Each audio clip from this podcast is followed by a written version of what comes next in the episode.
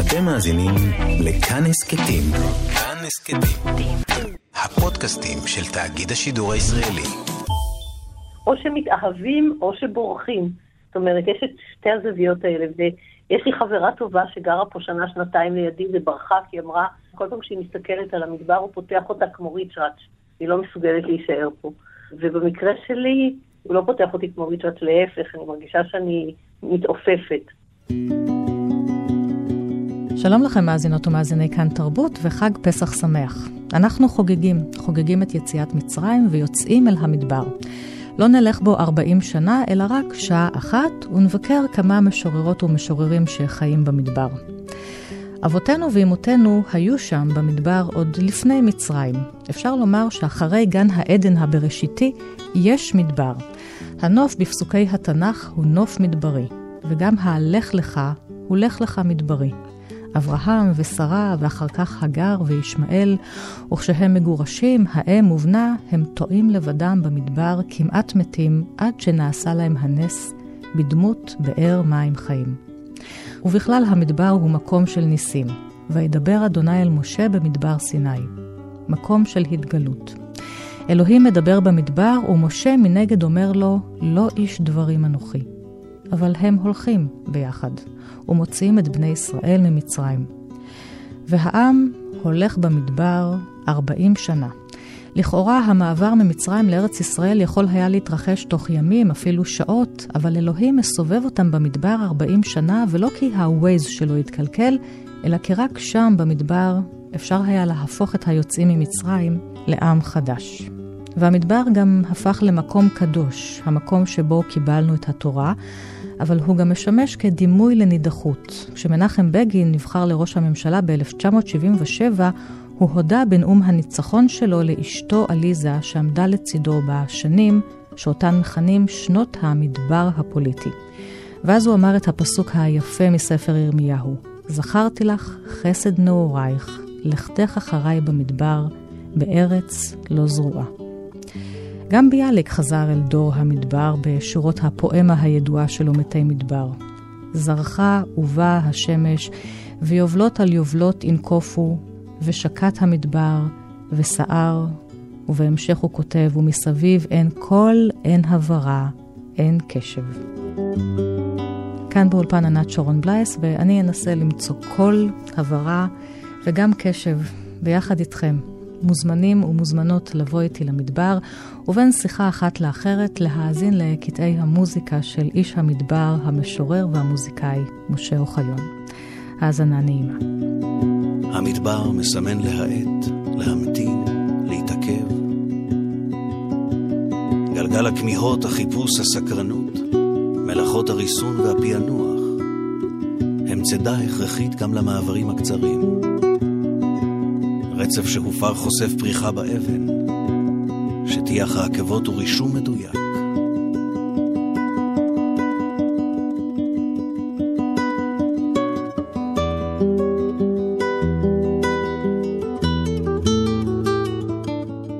מדבר. בעורפו של הלילה השמש מדגדגת אותי, וכל החלומות ננשפו ממני, והמחשבות שוב הפנו לי מבט ונותרתי קשה ועייף כנגד כל החזיתות, ואין לי אלא מדבר. שלום למשורר, עדי וולפסון. חג שמח. חג אתה שמח. נולדת במדבר, יליד המדבר, נולדת בערד, אתה חי בבאר שבע, וחוץ משירים, אתה גם דואג לסביבה, אתה איש פעיל אקולוגית, דואג לאיכות הסביבה, דואג שהמדבר יישאר מדבר. נכון, אה, כל חיי הם במדבר. וזה שנולדתי כאן, ואני אה, חי כאן, והילדים שלי כאן וכדומה, אז אה, אני חושב שיש לי אחריות אה, לשמור על המקום הזה, על הייחוד שלו, לתקן דברים שצריך לתקן, לקדם דברים אחרים. שמורה אצלי אהבה למדבר, לערים הללו, לנוף הייחודי, לאקלים האחר, גם כשהוא חם, וכן, בהחלט, זה היום-יום שלי. בוא תנסה לפתות אותי, בת הצפון, בנוף הזה. אני חושב שהייחוד של הנוף הזה זה שיש פה איזה ש... איזה שאתה מגיע אל הצבעים שאולי הם קצת מונוטוניים והם חומים וצהובים, אבל אם אתה מסתכל קצת פנימה, אתה באמת רואה הרבה הרבה יותר גוונים. אה, ובעיקר אתה צריך לגלות הרבה, לגלות את המעיין והנחל שהם נסתרים אה, בין האבנים ובין הסלעים, אה, ולגלות את הצבעוני שפוקע, או כל צמח אחר. צריך קצת להתאמץ יותר כדי להתאהב אולי בטבע הזה, אבל במבט ראשון אני חושב שמשתאים, רואים משהו שהוא נורא חזק, mm-hmm. הוא נורא אה, כהה, יש בו, ו, וצריך לחפש את הגוונים הללו. אה, ואני חושב שבאמת במדבר יש, אה, שוב, מעבר לייחוד, יש גם מגוון של דברים שאפשר לראות. זאת אומרת, אנחנו, יש לנו בראש תחושה מסוימת מהו מדבר. תחושת פנימה... שממה, ואנחנו לא מסתכלים פנימה, זה מה שאתה מציע. נכון, וכשבאים פנימה אז רואים דברים אחרים. בנוסף לזה גם אותו זמן מדבר ושקט מדברי. אבל כמובן שיש פה גם חיים, יישובים, אנשים... תתאר לי את אה, המדבר של הילדות שלך ואת המדבר שלך היום. כמי שנשאר, לא, לא, לא הלכת משם למקום אחר, נשארת לחיות שם. נכון. המדבר של הילדות שלי היה מאוד מאוד uh, בתולי. אני יצאתי מהבית של הוריי כילד, במרחק כלום אל הערים. יורד בין הגבעות והגאיות, ו- ובאמת מסתובב לי בתוך השקט הזה, יש מין שקט כזה, אתה כמעט לא שומע אף אחד. אה, אתה צופה מאוד לרחוק, אם, אם יש ראות טובה, אתה רואה ככה לרחוק, לא מסתירים לך לא עצים ולא אה, דברים אחרים. אה, ואני הרבה פעמים הייתי יורד על מדבר עם ספר, לקרוא, לפעמים לקרוא בקול רם. פעם אחת עמדתי וקראתי שיר של ביאליק באמצע המדבר, ופתאום מישהי הגיעה מאיזשהו מקום, נבהלתי, עצרתי, אמרה לי, תמשיך. המשכתי, סיימתי והיא הלכה. מתי מדבר? אה, לא, לא, אותו דור התנ"ך שמת... לא, לא, זה היה שיר, את יודעת, מתוך, לא, בכלל לא כן. לא היה קשור למדבר, אבל בעצם כל הסיטואציה הזו שיש איזשהו מין משהו כזה מאוד מאוד אה, בלי גבולות, אה, ועם מרחקים מאוד מאוד גדולים, ועם אה, איזושהי שלווה, אה, אבל בפנים רוכשים דברים, זאת אומרת, אה, אפשר אה, לראות גם את בעלי החיים, גם את הצמחים, גם את הערוצים היפים. והמדבר של היום? הוא יותר מדבר... של, ש, שכבר אה, רואה איך אנחנו נוגסים במדבר, פה ושם, וצריך להרחיק קצת יותר כדי להגיע, אבל בסך הכל התמונה הזו לא השתנתה. אני אוהב תמיד לחפש את המים, את המעיינות ואת הדברים כן. הללו שנותנים איזה שהם חיים, ואולי אפשר להעריך אותם פי כמה כשאנחנו uh, בתוך המדבר. והרבה פעמים בקיץ המדבר הוא יותר מדבר של אחר הצהריים, של רוח נעימה כזאת שאפשר כבר uh, לצאת שהשמש פחות uh, חורכת. נכון. עכשיו, אתה יודע למה אני שואלת אותך את השאלה הזאת, כי בין היתר אתה גם כותב שירים היום uh, שעוסקים באקולוגיה, מה שנקרא אקו-פואטיקה, ואחד מהשירים שלך נקרא בירוקרטיה, וכך הוא הולך. ים המלח, גם ים המלח אני מכניסה אותו לתוך כל המרחב המדברי, ים המלח מתייבש בצינורות המקובלים. משהוא סחר את פי הירדן ואחר קשר את פרקי הנחלים, ומילא את בריכות המפעלים, ואפילו השמש באופן טבעי מגלחת את פני המים. בעוד כמה שנים או יותר יעמדו במקומנו נציבי מלח רבים להזכיר כי על חטאי סדום ופשעי פקידי ירושלים לא ישיבונו. זה כן, הצד כן, השני של מה שעושים למדבר שלך. זה נכון, אני עוד פעם גדלתי בערד. המודרניות, התעשייה, בעלי כן. ההון, נכון, אלה שרוצים לעשות כסף רוצים לעשות כסף מהמדבר. כן, זה משהו שאנחנו רואים בכל הארץ, הוא קיים גם במדבר. גם פה צריך לחיות, צריך כן. לעבוד, כן. צריך שיהיה פרנסה ושיהיה תעשייה, אבל בהחלט אנחנו ניצבים בפני הרבה איומים. גם איומים על השטחים הפתוחים, בפיתוח של עוד uh, תשתיות ושל עוד uh, יישובים, שיש להם הרבה מחירים, גם עלות סביבתית ואפילו עלות חברתית. Uh, מפעלי הפוספטים, למשל, שעכשיו uh, אזרחים מהשורה, uh, גם תושבי המדבר, תובעים אותם על זיהום של עין צין ועין עקרבים בנחל צין, זיהום של כמעט 40 שנה. בריכות, אה, כן, אה, בריכות במדבר, נווה מדבר אמיתי, המקום הזה שאנחנו ככה הולכים בשמש הרבה רחוק בשביל להגיע אליו, ואנחנו אומרים וואו, ופתאום הן נהיו צהובות ומזוהמות ואסור להיכנס אליהן, וכל הצמחייה הטבעית שמה הלכה ודעכה ומתה. ובעצם כן, יש כל הזמן איומים גם על המדבר.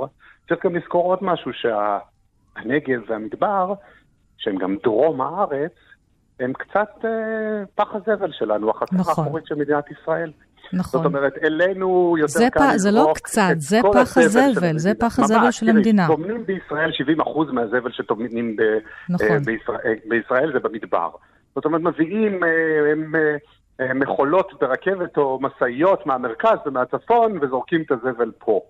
אלה, אלה הרבה דברים שכל הזמן צריך להילחם בהם, לומר, המדבר הוא חלק מהמדינה, והוא לא רק מקום לטייל בו פעם. איך אתה, איך אתה חי עם זה, עדי וולפסון, שהופכים את המדבר הישראלי לפח הזבל של המדינה, ומצד שני זה המקום שבו ניתנה התורה. זה המקום שבו נוצר העם. המקום הזה של הקודש, בתוך כל החול, תרתי משמע, המקום שבו הוגדר אולי הקודש היהודי. איך אתה חי כן, עם זה? תראי עוד פעם, אני חייב לומר שלצערי בכל מדינת ישראל אנחנו עדים לתופעות כאלה ואחרות של אה, פיתוח שמזלזל בטבע ובמה שקיים, ולפעמים אפשר לפתח ועדיין לשמר הרבה דברים ולשמור הרבה דברים. אה, אבל אני לא חי עם זה טוב, ולכן אני נאבק. מתי כתבת פעם ראשונה שיר על המדבר? שירים על המדבר כתבתי כבר בילדות. כן. אבל אה, לאורך כל הדרך המדבר הוא מלווה אותי גם כשאני לא כותב שיר על המדבר, כי צריך להבין שאני חי פה. אם, אם אני או משוררים אחרים שכותבים במרחב הזה, הם לא כותבים רק את הכותרות, את הקונפליקטים, את הפריפריה, וכל הדברים האלה קיימים, כן? אני לא, לא מבטל אותם חס וחלילה. הם כותבים את היום-יום שלהם, והיום-יום שלהם הוא בתוך העיר המדברית, הנוף המדברי, אה, השירים עם ה... שצוחקים על באר שבע או מקומות אחרים עם הגמל שמופיע פה ושם, הוא מופיע באמת פה ושם אה, בתוך העיר, כן? אני הולך לטייל בפאתי השכונה ויש פה אה, עדרים של כבשים ועיזים אה, שרואים פה מסביב, אז, אז את כל הדברים האלה נכנסים גם לתוך השירה, כי השירה היא חלק מהחיים. אז אני חותמת איתך בבקשה עם עוד שיר ששמו מצאי. כן, השיר הזה הוא שיר ש, ש, שקצת מדבר על איך אנחנו בעצם מתנהגים בכלל עם הטבע, אבל בטח גם במדבר, מצאי. והכביש הזה לשום מקום מכתים את הנוף, מזהם את האוויר, עוצר את הגשם, חוצה את האדמה, דורס את החי, חונק את הצומח, קוטע בתי גידול, חותך באבחה את החיים. לך לך. המשורר עדי וולפסון, תודה רבה לך, וחג שמח, חג פסח שמח. תודה רבה, חג פסח שמח.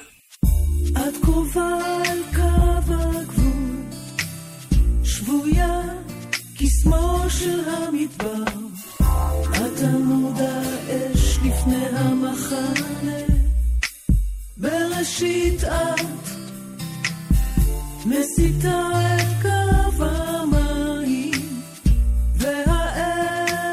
תבער.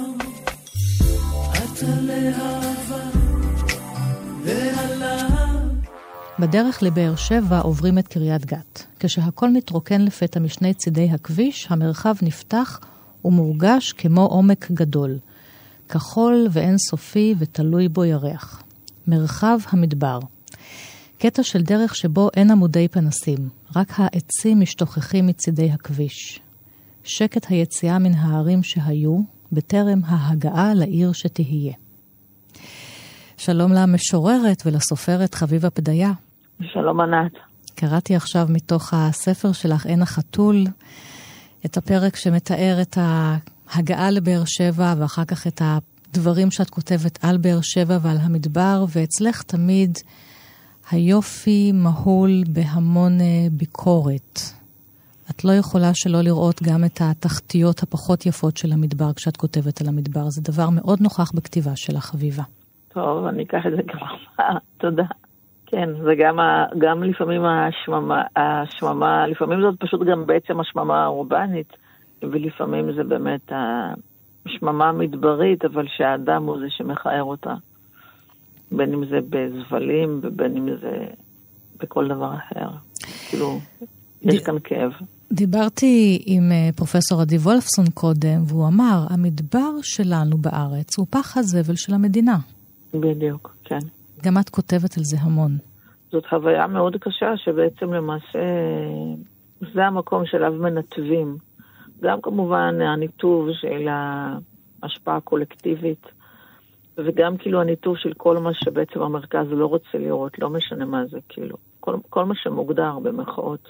נגיד בתקופה שכתבתי את בן החתול, זה נורא בלט כאילו של השיכון של כל המשת"פים. כאילו כל מה שבעצם המודע הקולקטיבי לא רוצה לראות. ולמה זה למדבר? בעצם המקום, אה, את, את גם חוקרת תרבות יהודית. למה למקום הקדוש, כי- שבו כי ניתנה לנו ש- תורה, אנחנו מתייחסים ככה היום?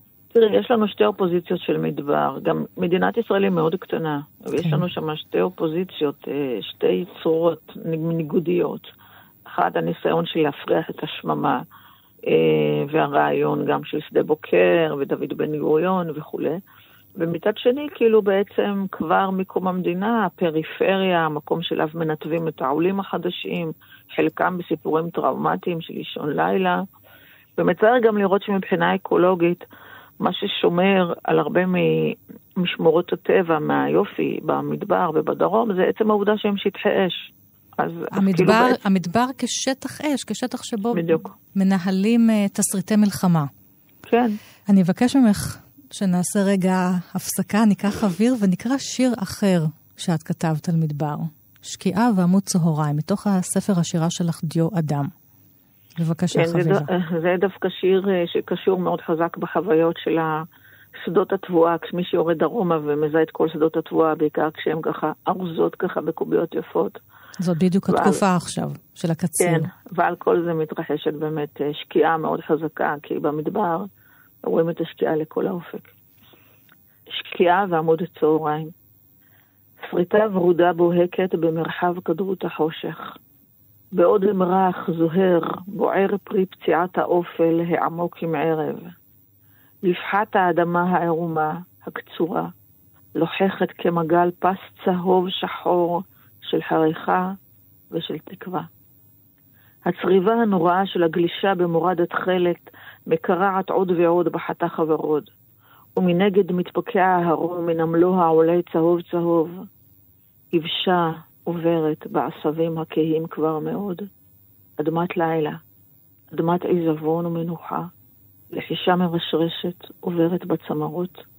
שערן פרוע אי שם בגובה, תוך שדות ורידי עבים תלושים. צרחה אילמת של אדמה לא רחמנית בעצמה ממאסת עשביה היבשים, מחתכת ומייבבת. ומנגד עץ הזוהר עולה ועולה. עץ הזוהר עולה ועולה. פותחת פה בעצם שפה למדבר אחר. אולי נלך אה, עכשיו על. המקום של היופי ושל המסתורין ושל המיסטיקה, שאת גם עוסקת בזה במחקר שלך. תספרי לי על המדבר שלך, חביבה, בצד הזה, בצד של היופי והמיסטיקה. באמת, אני פשוט קודם כל מאוד אוהבת את המדבר. סוג של שלווה, סוג של uh, התרוקנות, uh, סוג של איזשהו ניקיון, אם אפשר להגיד ככה. יש מעט, כאילו, כביכול, אבל אני, אני אוהבת כאילו ללכת בוודיות של הנגב ולגלות uh, את הפרחים ולגלות את הציפורים ולגלות את, את מה שמזדמן ומתרחש. כאילו גם ההתחלפות של העונות במדבר היא מאוד חזקה, היא מאוד משמעותית, מהצהוב השרוף, כאילו לרגעים שכן אתה זוכה לראות את, ה, את הירוק.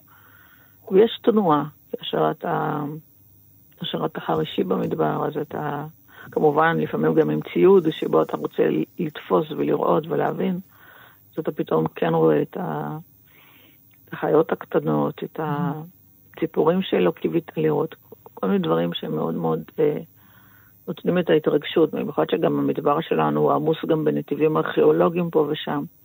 מאוד חזק בעיניי, מאוד ממקד. פשוט רק כואב שלפעמים מזהים את המדבר היפה הזה עם הפריפריה ועם ההשפעה. ואני אקח אותך לעוד שיר אחר, עם uh, מצב צבירה אופטימי, הליכת בוקר בבאר שבע. כמו הותרת מכבליך, אתה הולך ומתעלה בתהליך מוזר, ומתוך היותך מתכלה, הנך מתהווה, עד שתהיה ראוי להיקרא תינוק. כבר תהיה כל כך זקן, אך אולי גם זהו מן האובדנים, שבמשך הזמן עליך להפנים, ברגעים של כאב אף עליך לזכור שבדידות גם היא טיפוס של אושר. ואני עוצרת פה. ואת ממשיכה. ותראי לאן את לוקחת את זה, את המדבר הזה, שגם אה, פותח את הפצע וגם סוגר אותו, ואת ממשיכה פה בשיר ואת, ואת, ואת כותבת את המילה גלות, כי את בת ירושלים. ירושלים היא בעצם בקצה המדבר. וכתבת לא פעם גם על ההליכה לבאר שבע כסוג של גלות, ואחר כך איך חביבה פדיה נטמעה בבאר שבע ובמדבר. יש איזה אושר של איזשהו שורות ומבטים והסתכלות שיכולים לבוא רק מהצד. אבל כן, אני לא רוצה לעשות את זה רק אידיאלי. כאילו. כן. את אף פעם לא עושה צורך. את זה רק אידיאלי. את אף פעם לא עושה את זה רק אידיאלי. אני לכן אני. מתחברת כל כך לכתיבה שלך, כשהיא רצו ושוב בין המדבריות השונות.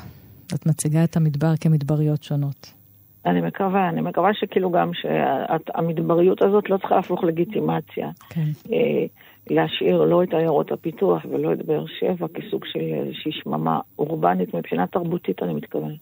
מבחינת פיתוח חיים תוססים, מבחינת מה שמגיע לאנשים שגרים שם, אז לכן זה כן. נורא מורכב. חביבה, אולי לסיום אני אשאל אותך, מה בין מדבר לדיבור? המילים נגזרות מאותו שורש, שהמילה כן. דבר עומדת בליבו. יכול להיות שבאיזושהי צורה המילה, האות הזאת, מ', אה, כאילו, שהוא, שהיא בעצם יוצרת את שם, התו, את שם העצם מדבר, כן. אה, מרוקנת את הדבר מדבריותו, Mm. ומרוקנת את הדיבור מדיבורו. כאילו, זה, יש איזשהו קשר כזה, ש... וזה כאילו קשה קצת להבין את זה. ולכן באמת גם אה, חז"ל, כשהם דורשים אה, בשיר השירים, במדרש שיר השירים, את הפסוק מי זאת עולה מן המדבר, אז אה, הם מדברים על זה באמת שכאילו זה בעצם מי זאת שבאה מהדיבור, מה הדיבור. וכמובן, בהינתן שאנחנו זוכרים שהתורה ניתנה במדבר, אז כאילו יש לזה משמעות רבה, כי הדיבור כביכול הדבר, או הדיבור האולטימטיבי והידיעה ניתן כן. אה, במדבר. אז, אז כנראה יכול להיות שמי שרוצה להרחיק לכת יכול להגיד שיש כאן תפיסה, אולי אפילו קמאית, מוקדמת, ש... שהתגלות, כמו שהייתה תפיסה אצל עמים קדומים שההתגלות באה בהרים, יש כאן תפיסה שהתגלות באה במדבר, כן. ולכן מדבר זה המ- המפעל של הדיבור, מקום הדיבור. כמה יפה אמרת וסיפרת, חביבה פדיה. ועוד את כותבת רבה, בשיר ענת. הליכת בוקר בבאר שבע, וגם אם כל זה שוב יאבד לך עד הלילה, מפעם לפעם העומק נצבר, ורגעי התבזבזות החסד הם כה מתוקים וכה מזינים, שלא תהיה בך טינה. אז שלא תהיה בנו טינה. זה מה שנאחל לנו לחג ברכה הפסח. הזה. חג שמח. חביבה. חג שמח. תודה. להתראות. להתראות יום טוב.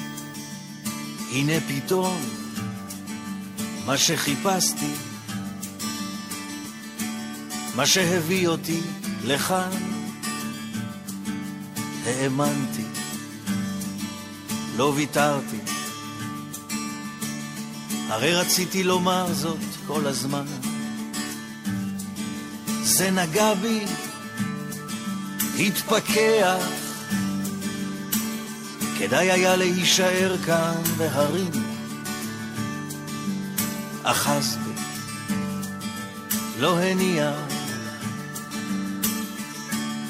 לחלום כל השנים. אמרי שאת יודעת, אמרי שעוד מעט.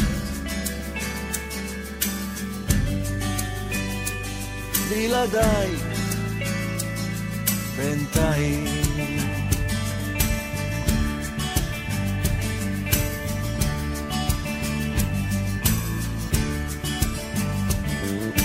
השער, הוא נפתח לי, כמה אור שוטף את השבילים. נשארתי, לא נשברתי, קמתו סוחף באבנים. זה נגע בי, התפכח, ראוי היה לתת לזה חיים. אחז בי, לא הניח לחלום כל השנים. אמרי שאת יודעת, אמרי שעוד מעט בלעדייך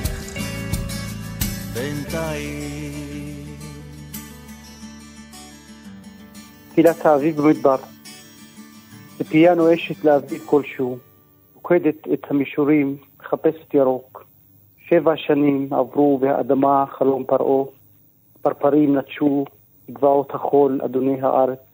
הליכה בערבים, שירת השירים של הנשים, תחינה לאלוהים, הילדים מסתובבים עייפים במשחקי עפר, תפילה נישאת על כפות הנשים העטופות בשחור, ושרות שירי הלל לאביב, בוא אלינו אהוב. תפילת האביב במדבר, שלום למשורר סעד אבו אנם, מהיישוב כסייפה שבנגב. שלום לך. רמדאן שלום. כרים. תודה. תספר לי קצת על המדבר שלך, סעד. נכון שאני חי, חי היום ביישוב כסייפה, שהוא יישוב, יישוב מסודר יחסית, ואני גדלתי ממש ליד, ליד המקום שבו הוקם היישוב. מקום שלו, שאני עדיין זוכר את הילדות שלי, שהייתי מטפס על הגבעות ורץ במרח- במרחבים האלה העצומים. ועדיין אני שם, אני מוצא את עצמי לאחרונה עם השירה, עם הכתיבה, פשוט חוזר למקום, מתחבר מחדש למקום שכל כך התרחקתי ממנו. ואתה גם אה, עורך אה, סדנאות שירה, גם עם מבוגרים וגם עם ילדים, ואתם כותבים על המדבר. תספר לי על החוויה, איך אתם אה, הופכים את המדבר שלכם, גם דורות שונים של אנשים, לאומנות, לשירה. קודם כל יש את השירה הבדואית היא מאוד, אה, תחום מאוד חזק באזור. המשורר היה לו מעמד מאוד חזק, מאוד איתן. הוא היה דובר, היה שגריר, היה היסטוריון. היה כותב את דברי הימים של השבט והיה איש דמות מפתח בשבט. זה היה בעידן הקודם של שבטים. כן. היום אנחנו בעידן אחר, אה, בשנים האחרונות אה, המעמד של המשורר ירד, אה, אין את מה שהיה לגבי השירה הבדואית, אז אמרתי לעצמי שהמרחב שלנו אין בו נגישות לשירה, אין בו התייחסות לשירה, והדור הצעיר כל כך זקוק לזה, זה כל כך חשוב לדעתי שירה בעולם, ואני פשוט התחלתי להעביר סדנאות כתיבה ביישובים שונים בנגב. ת, תדבר איתי גם על הכתיבה שלך, כי אתה כותב בערבית, אתה כותב בעברית. השיר ששמענו אותך קורא, כתבת אותו בעברית. תדבר איתי ש... גם על המדבר שלך, של סעד האישי, שמתקיים אצלך בעברית ובערבית. התרבות הערבית הקדומה, קורא לה שירה, היא צמחה במדבר.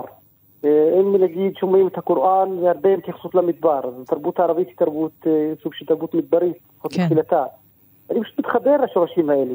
נכון שאני שובר את המסורת, נכון שאני לא כותב, אני, אני, אני אומר לא למסורת מבחינת שיטת הכתיבה, אבל אני מאוד מושפע ממנה מצד שני. וזה זה החיבור למדבר, שאני מוצא את עצמי אחרי גיל 40, כאילו שאני נדדתי במדבר 40 שנה. אני חוזר למדבר ופשוט כותב משם, וכותב את התחושות שלי בפנים, של כאן ועכשיו. ו- אה, והכתיבה, זה- והכתיבה בעברית, אה, בשפה החורגת. כן, זה, זה מאוד מעניין. אנחנו, אנחנו יודעים שהתופעה הזאת קיימת בהיסטוריה, גם אנחנו יודעים שיש לא מעט סופרים, נגיד אלג'יראים, מרוקאים, טוניסאים, שכתבו בצרפתית. כן. ועל ההשפעה הצרפתית על האזור. אנחנו יודעים שזה זה מאוד מפותח, מאוד יפה. ואנחנו מודעים גם לאנגלית, נגיד הודו ומצרים שכתבו כתבו ב- באנגלית. וגם כנראה בישראל, שאנשים בוחרים לכתוב בעברית. אני אישית לא התכוונתי אף פעם לכתוב, אה, נגיד, בעברית. לא, לא התכוונתי, לא התאמצתי גם לכתוב בעברית, זה לא היה קשה לי, זה היה טבעי. למה? כי בילדות שלי הייתה לי תשוקה וכל הזמן לקרוא ספרים. כמיהה כזאת גדולה. אני לא יודע מאיפה הבאתי את זה, כי אבא שלי לא ידע קרוא וכתוב, גם אמא. אבל אה, ככה זה משוררים, יש משהו אלוהי בשירה, שאי אפשר להסביר את זה. אז אני ניגש לקרוא ספרים, לא היו ספרים, לא היו ספריות, מדבר, בית הספר היו אמצעים דלים ועדיין שאין ספריות. בי"ב, אחרי י"ב הלכ- בי"ב הלכתי לאוניברסיטה ופתאום אני מוצף בספרים באיזה שפה, בעברית. אז ניגש למדף, פשוט קורא.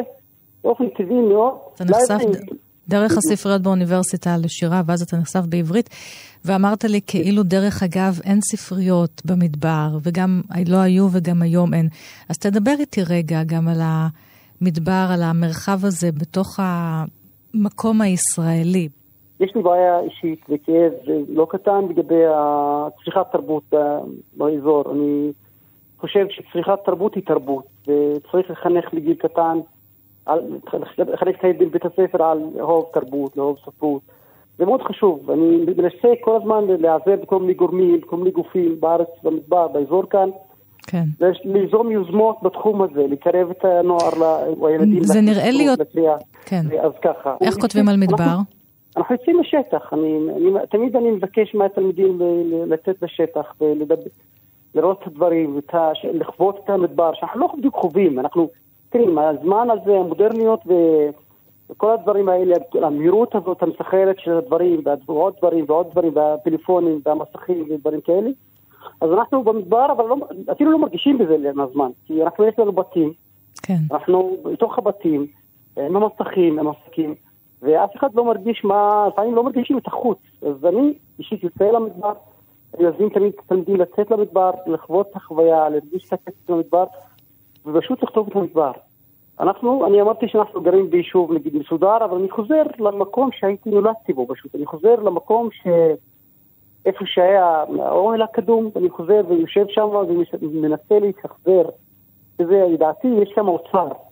אוצר. של, אה, אוצר של זיכרונות שאני חייב לחוות אותם ופשוט לשחזר אותם, איפה הייתי יושב, איפה הייתי משחק. איפה הייתי רץ, איפה הייתי שר, איפה הם הכבשים וזה, אני חוזר למקום, ואז מתוך משמה, עושים לי הרבה שירים. אני כותב הרבה. אז אני אבקש ממך לסיים עם השיר יחידי. אוקיי, יחידי. ישבתי נוכח הערב, מעשן את דאגות היום, וקורא את ספר החשיכה. חושב על מילים שאני כותב, שהמציאו בי הקלה מעתה. מהעצבות הזאת, הרובצת על לב הרחוב הזה השוקט. אין איש כאן, בקרון השינה המחליד, אני יושב על מרפסת העין, יחידי, הד למילים, שאיש לא שמע. המשורר הבדואי, סעד אבו ענאם, תודה רבה לך, וחג שמח לך, לך ולי. תודה. תודה. תודה, חג שמח.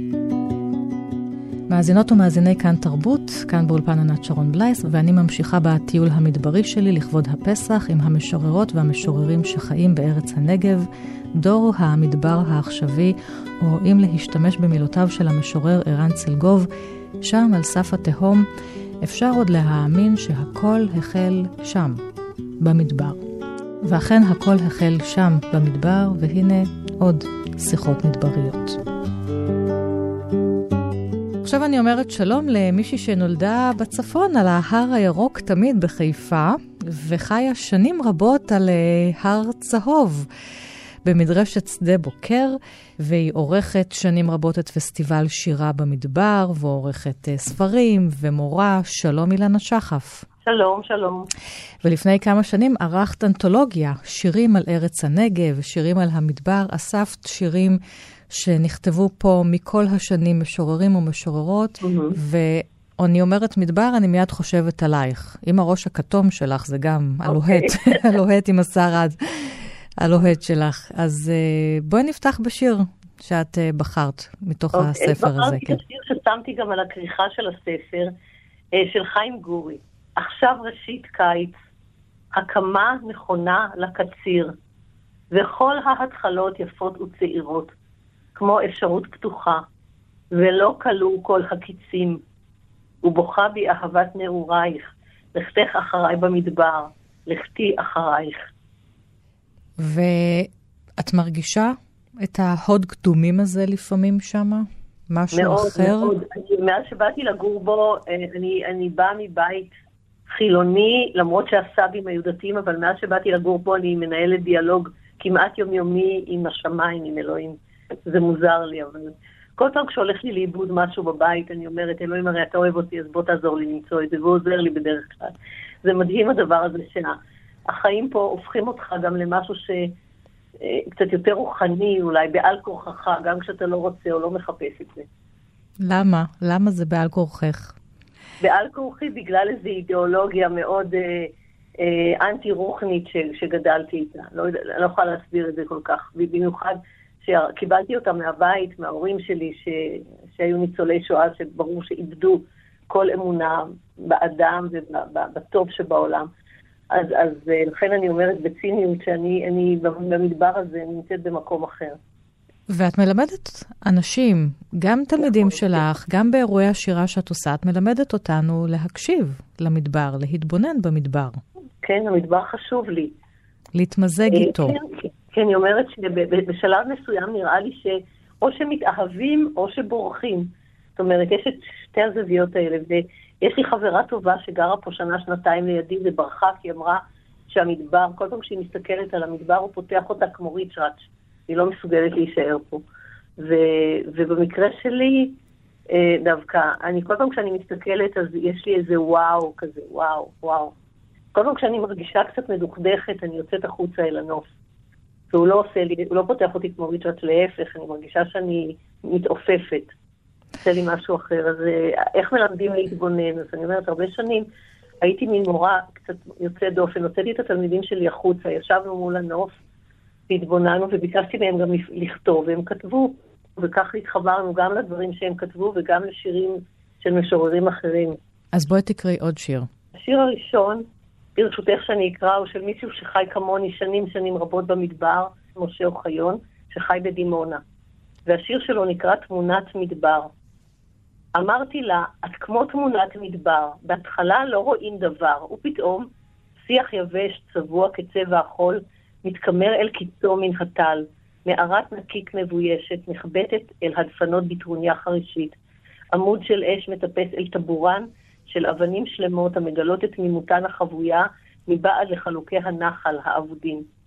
ומדי פעם גם רכבת המסע הסהרורית החולפת בי אף על מכמניה הנעלמים בדרכה אל תחנות המעבר. נזכרים כאן חלוקי הנחל. אה, משה עכשיו נמצא בשלב שהוא מחפש מים כל הזמן, אם זה בריכות אבודות או אפילו בריכת שחייה, וכותב על המים. כשאתה שוב נמצא במדבר, את שאלת קודם, אה, איך אתה מתמודד עם המדבר, הרבה פעמים אתה מתמודד איתו דווקא בחיפוש הדברים שלא נמצאים בו. וכשאתה מוצא אותם, אתה נשאר באיזושהי שקיקה או תשוקה אליהם. כן, אה, זה כמו, אתם כמו אולי מגלי אוצרות. מצד. אחד החולות האינסופיים שאתם עטופים, ואז אם פתאום יש שם משהו זר, כל הנוף אה, הופך להיות משהו אחר, תרבות אחרת. ישנה כאן גיאולוגיה מאוד מיוחדת, הרי המכתשים שהם הם בעצם יצירות של הטבע, מדהימות, ו- ואין כמוהם בעולם. הם תופעה מאוד ייחודית למדבר שלנו, למצפה רמון, למכתש הגדול שנמצא על יד ירוחם. מה מערכת היחסים שלך עם היעילים, עם בעלי החיים שם, שגרים ב... לא רחוק ממך? הם חלק מהטבע שמשפר לי את המצב רוח.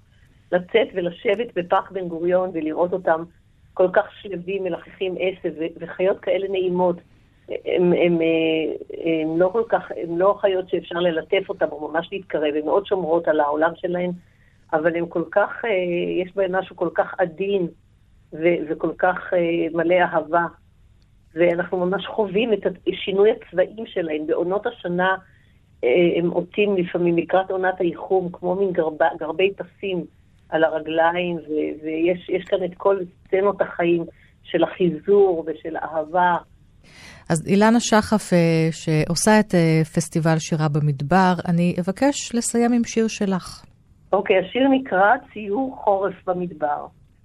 לצייר איך בשלף זרקה שיבה, את יופיין של ציפורים לבנות ואת יופייה של אחת שחורה, ויופיים ההפוך של עצים במטע, שהולכים ופושטים עלוותם דווקא עם בוא הקור והגשם. לרשום איך להיות ערומים, וטעמו של שקד חם וכלוי, ותמרת עשן נמסכת באופק. לצייר גלי מים שקפאו, ניילונים נעים אל שוחות הקוצים. בחממות הנמוכות האלה פועלים ערבים שוברים את רעב יומם. ותמיד קיימת התנועה שכנגד, לצבוע הכל בלבן. פנלופה חכמה, מי כמוך יודעת אחרי עשרים שנה, כשמתרגלים לישון לבד במיטה הכפולה, שהשיבה אינה אפשרית. על מה השיר הזה?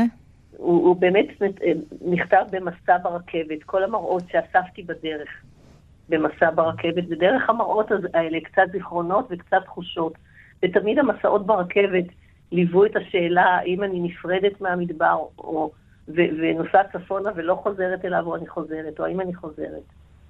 אה, אילנה שחף, תודה. תודה רבה לך וחג תודה, שמח. תודה, תודה לך, ענת, תודה. ביי ביי.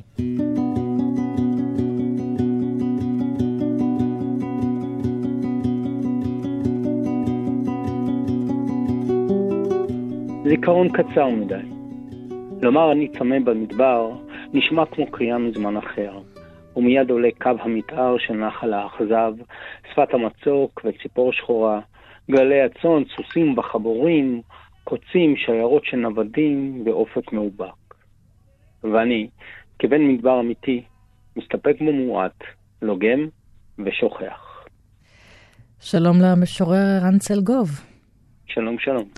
וגם האיש שהמציא הוצאת ספרים מרתקת ויפהפייה בשם רעב. ואתה לא נולדת במדבר, אבל בגיל שלושה חודשים הגעת לשם. הזיכרונות הראשונים שלי זה, ה... זה החול בעיניים והבוהק הזה, ושאין פה שמיים כחולים. זה שמיים שהם אה, תכלת במקרה הטוב, ובמקרה הקצת פחות טוב זה אפור. כאילו זה מין בוהק כזה. השמש חזקה, אנחנו אומרים תכלת העזה. כן. הדבר הזה שאנחנו, כשחזרתי אחרי שנתיים משיקגו, חשבתי שאני צריך לכוון מחדש את הספקטרום בעיניים, כי פתאום הכל היה נראה לי באותו גוון עפרפר כזה. אבל אתה אוהב את המדבר, ערן. כן, כי זה, זה הפך להיות הבית, את יודעת, הטיולים הראשונים עם החברים, החברות, לצאת החוצה טיפה מהעיר, לראות איך, ה, איך אנחנו כובשים ב, יודעת, בהליכה שלנו את, ה, את המדבר שלנו, יוצאים בערב לראות כוכבים נופלים, זה, זה גם משתנה כל הזמן, כי המדבר כל הזמן כאילו מאיים עלינו, אז אנחנו כל הזמן, באר שבע נוגסת עוד ביס במדבר, אבל הוא, הוא מתקדם, הוא, אסופת החול מזכירה לנו שאנחנו עדיין במדבר, למרות כל הירוק ש, שמנסה להתפרץ החוצה. ואני רוצה לקשור את זה גם להוצאה שלך ולשם של הרעב. ואתם התחלתם בין היתר גם עם אה, לפרסם פה תרגומים של משוררים אה, אפרו-אמריקאים ושירה אפריקאית. וחשבתי על החיבור הזה שאתה עושה לא רק כמי ששהה בארצות הברית ולמד שמה, אלא גם דווקא מהמקום של המדבר אל השירה השחורה שאתה מביא למדף הספרים בעברית. אני, אני אף פעם לא חשבתי על זה. אני חייב להודות שלא חשבתי על, על שזה, שזה בגלל uh, המדבר. וכן שאני יכול להגיד שהשירה uh, השחורה הייתה חסרה על המדף, כן. זו הייתה הסיבה. אתה קרוב... אני חיפשתי ולא מצאתי. אתה קרוב יותר לאפריקה. Uh, פיזית, uh, מישהו בנגב, נכון. קרוב יותר, בהחלט, כן. שומע את הקולות. יש לך ספר שירה ששמו פרוטזה. כשהטט היא בסוגריים, כי זה כמו פרוטזה וכמו פרוזה. זה באמת קטעי שירה בפרוזה. ואני אבקש ממך לקרוא שם קטע מתוך אה, שיר בפרוזה ששמו שניים. וגם עוסק במשהו אישי, וגם בעקדת יצחק ובהליכה במדבר של אבא ובן. יש רק לקום וללכת, אז הולכים, בקצב אחיד. ויש הרגשה לעיתים, הרגשה שיש סיבה לכל העניין הזה, שהולכים בגדול, בגדול ומאוד. הדרך גדולה ואין עוד צורך, לא בדיון, לא דחוף או חלקי, ולא ייפוי כוח ולא רגע של שקט. אחד, או יותר, שניים, בדיוק שניים, הולכים והולכים, הרגליים בחול, שוקעות, מטביעות חותם. ויפה החותם ויפה הזריחה שמתחילה ביום השלישי, כי להם טוב בשניים, ביחד, חיבור אוהבים של אב ובנו, כמו לקח, לקח וממכר, שהולכים שלושה ימים, כמו צאן בלי מילה, או דגים, שאינם הולכים ואינם גם אומרים, ולהם שהולכים זוג רגליים ולהן אצבעות והן נהנות ממגע החול החם, החום והחם, זה שנכנס בין לבין, זהוב ופריך, ולא מוותר ומתחת לציפורניים גם כן. שם נטמן כמו סוד, מאז ועוד, והשוקיים, כן שוקיים שנשרטות בסבך, כל כך בסבך, ואין דרך אחרת, רק אחת לקיים, הבטחה לקיים. ואנחנו עוצרים פה, לא כי הקטע הזה נגמר, ואפשר לקרוא את כולו בספר שלך, פורטזה. מה זה המדבר בשבילך? כי מעבר לזה שאתה מנסה להפריח את התרבות בעשייה שלך בהוצאת רעב ובדברים שונים, תרבותיים רבים שאתה עושה שם, מה זה המדבר בשבילך? אני חושב שזה איזה אתגר, המדבר. כי נורא קל ללכת לאיבוד במדבר, והניסיון למצוא קול, כאילו מדבר זה, מה שמפתיע בזה שהוא מצד אחד מאוד שקט, עד שמפסיקים לדבר, וזה אותו שורש, נכון, לדבר במדבר. והשקט, ברגע שפתאום יש שקט ומפסיקים לדבר, המדבר מתעורר. פתאום יש קולות, פתאום רואים את התנועה של הציפורים, רואים את העקבות שהיו בעלי חיים, רואים את התרבות שהייתה פה, שהצליחה להתמודד גם בתקופות אחרות עם, ה, עם הדבר הגדול הזה, שמצד אחד יש בו עקבות, ואחרי שנייה חולפת רוח ולא נשאר כלום, זה, זה, זה אתגר. זה כמו, כמו, אם אני רוצה עוד פעם להיות מאוד משוררי, זה כמו דף חלק שאתה יכול לעשות בו. הוא מזמין אותך, אבל אז הוא בורח. הוא משנה צורה. אז uh, כל פעם שאני יוצא למדבר להסתכל, יש איזה מבט שמתמגנט לאופק, ואני לא יודע דווקא למה לאופק, אבל המרחב הזה מושך את, העין הלאה, כאילו לתנועה. כמו, כמו במיתוסים הגדולים, את יודעת, שתמיד יש תנועה במדבר, מנקודה אחת לנקודה שנייה, והמדבר הוא המעבר ש, שמשנה אותך ונותן לך הזדמנות להגיע לאיזו נקודה. ואם אני באה לבקר אותך, לאיזו נקודה במדבר אתה לוקח אותי? דבר ראשון. עכשיו? עכשיו. עכשיו... אה, נגמרת אני- התוכנית ואני באה.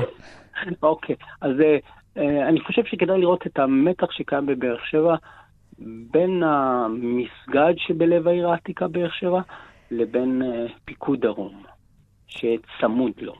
וואו. על זה כתבתי לאחרונה, שזה פשוט מין מתח שבדיוק מייצג את כל ההוויה שלנו ב, באזור הזה, כן, במקום. הקדושה מול הצבא ושטחי האש, כן. גם על זה דיברנו פה. ומה, אבל ניתן לחולות לכסות את הכל היום. כמו שמיכה. המשורר ערן צלגוב, בן באר שבע, תודה רבה לך על השיחה הזאת. ותחפשו גם את אה, רעב, את הספרים שלו בהוצאת רב. תודה רבה, חג שמח. מאזינות ומאזיני כאן תרבות, לסיום הטיול המדברי שלנו אני מבקשת לקרוא שיר מתוך כתב העת משיב הרוח שמוקדש לספר במדבר. השיר הוא בגדים של חול וכתב אותו אלנתן מאיה. כשנקרא הים, בצידו השני מתגלה נס, מדבר יבש ומאובק. מכאן איני צריך להגיע לשום מקום, אבל בוכה על אנשים ואבנים שלא טעמו טעם מדבר. מחפש עץ בודד בוואדי אכזב, להתעורר אל אורה החום של השממה. זה כמו שאת מתפשטת מהשמלה הלבנה ולובשת בגדים של חול. מתרגלת לכך שתורה אינה ניתנת בקפיצה, בהטלת מיטה, בשירה. היא מתהווה בהליכה, בתהייה מיוגעת, באמירה כמה טוב שאתה כאן. הכלים בכיור. תודה לכל האורחות והאורחים שלי שהשתתפו בשיחות המדבריות שלי. כאן באולפן ענת שרון בלייס, תודה לכם, חג שמח ולהתראות. לך לך למדבר, הדרכים יובילו לעיל טרם רד, לך אחי אל המדבר, שוב שוב נא חזור, הצוקים יריעו, שמש גדולה של אור, עוד תזרח עלינו למדבר, פרץ ומים, אדמתי שבנו אליי.